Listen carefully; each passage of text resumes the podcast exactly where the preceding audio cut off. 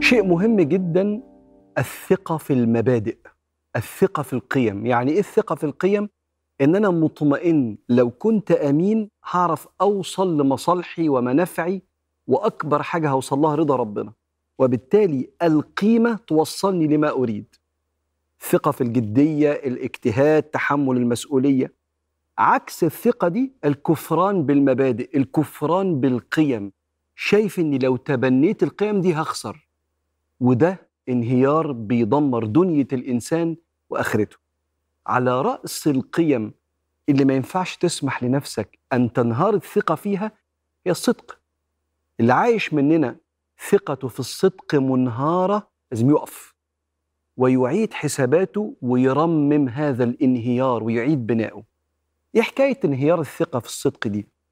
البني آدم اللي اتربى في بيته على العقاب والترهيب إذا صدق بيطلع الصدق بالنسبة له مرتبط بالألم. يعني ولد صغير أو بنت عمل حاجة غلط وقال الصدق فإتهان إهانة جامدة هيتربط في باله دايما إني لما قلت الحقيقة اتهنت فالحقيقة تساوي الإهانة وبيكبر المعنى ده. عشان كده بيبقى صد. عن سبيل الله.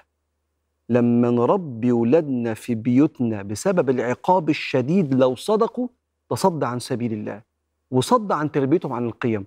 طيب هو لو غلط غلطة كبيرة أول حاجة محتاج الولد إن هو يشكر على الصدق ويحترم ده ثم يتحمل مسؤولية غلطه. بس ده قال الصدق حيث ينجيه الكذب. فأنت عرضة وأنت في رحلة حياتك لو تربيت في بيتك على الإهانة إذا صدقت إنك تتخلى وتكفر بهذه القيمة قيمة الصدق اللي ارتبط عندك بالألم.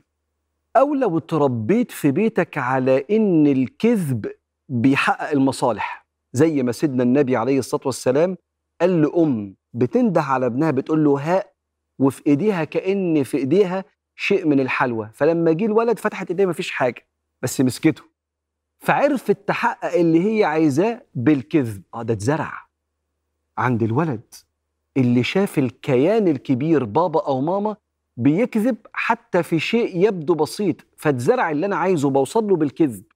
أنت كده عرضة. ان تنهار ثقتك في الصدق. من ضمن أسباب انهيار الثقة في الصدق هو كتر العتاب والزنق. من حد مقرب غالي عليك أنت عايز تحافظ على صورتك قدامه أو عايز تتجنب ألمه أو ملامته أو عقابه. ده بيحصل كتير قوي بين المتجوزين.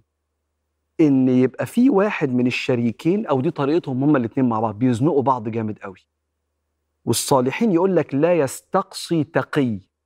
التقي ما بيزنقش ما يقعدش يستقصي ويدور وينخرب ويلوم ويسأل عشان يزنق اللي قدامه. عنده شيء من التغافل كده والتفويت عشان العلاقة تبقى حلوة. لكن لو فضلنا نسأل بعض أسئلة كتيرة في حاجات الإنسان بيغلط. دي عشرة طويلة الأجل وأكيد فيها أخطاء. كل ابن آدم خطاء. الطيب الرحيم بيفوت وما بيحبش يشوف حبيبه مزنوق. لكن المستقصي اللي بيدوس وعايز يشوفك محرج ويبين لك شفت أنت بتلف وتدور إزاي بنربي بعض على سهولة الكذب. ودي شكاوات بتجيلي في أسئلة حضراتكم كتير من الرجالة والستات. إن بسبب إن الطرف التاني شديد شوية رباني على الكذب. اختيار غلط على فكرة. وهو الاختيار الأسهل للنجاة من المواجهة. لكن للأسف بيصنع بني آدم فاقد الثقة في الصدق. والموضوع مش صغير. لأن البني آدم اللي بيفقد الثقة في الصدق بيتبنى الكذب بدون مبرر. ودي علامة مهمة جدا إن انهار خلاص. الثقة في الصدق. وهو إن أنا أكذب وأنا مش محتاج أكذب. أتجمل في حاجات في أسعار حاجات في اللبس. على فكرة لو قلت سعرها الحقيقي محدش هيحتقرك.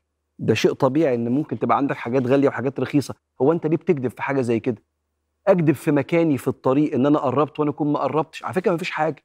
معلش أنا آسف نزلت متأخر النهارده. اللي قدامك مش هيهينك ولا حاجة. زي مننا اللي لما بيجي يحكي قصة بيتعمد يزود تفاصيل عشان الناس تضحك. لما سيدنا النبي عليه الصلاة والسلام قال ويل للذي يكذب ليضحك الناس. ويل له ثم ويل له.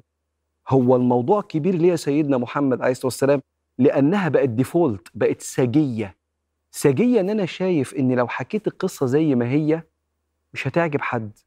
محدش هينبهر. محدش هيضحك. قيمتي مش هتبقى كبيرة. فهضطر إن أنا أزود وأفشر. طب وبعدين؟ ده أنا بقيت إنسان سمعتي كذاب عند الناس في حاجات يا عم هو أنت اتزنقت زنقة كبيرة؟ ده انت لو اتزنقت زنقة كبيرة الصدق اللي هينجيك أصلا. فلما تلاقي نفسك بتكذب على الدكتور وبتكذب في مكان تواجدك وبتكذب في أسعار الحاجات اللي انت اشتريتها وبتكذب انت قلت لفلان ولا ما قلتلوش قلت له وانت ما قلتلوش تفاصيل تفاصيل. أصبح السجية بدون ما تراجع نفسك بتكذب لا أقف. هنا في ثقة انهارت في قيمة من أهم قيم الإيمان وهي الصدق. لأن النبي عليه الصلاة والسلام قال لك لا تجد المؤمن كذابا.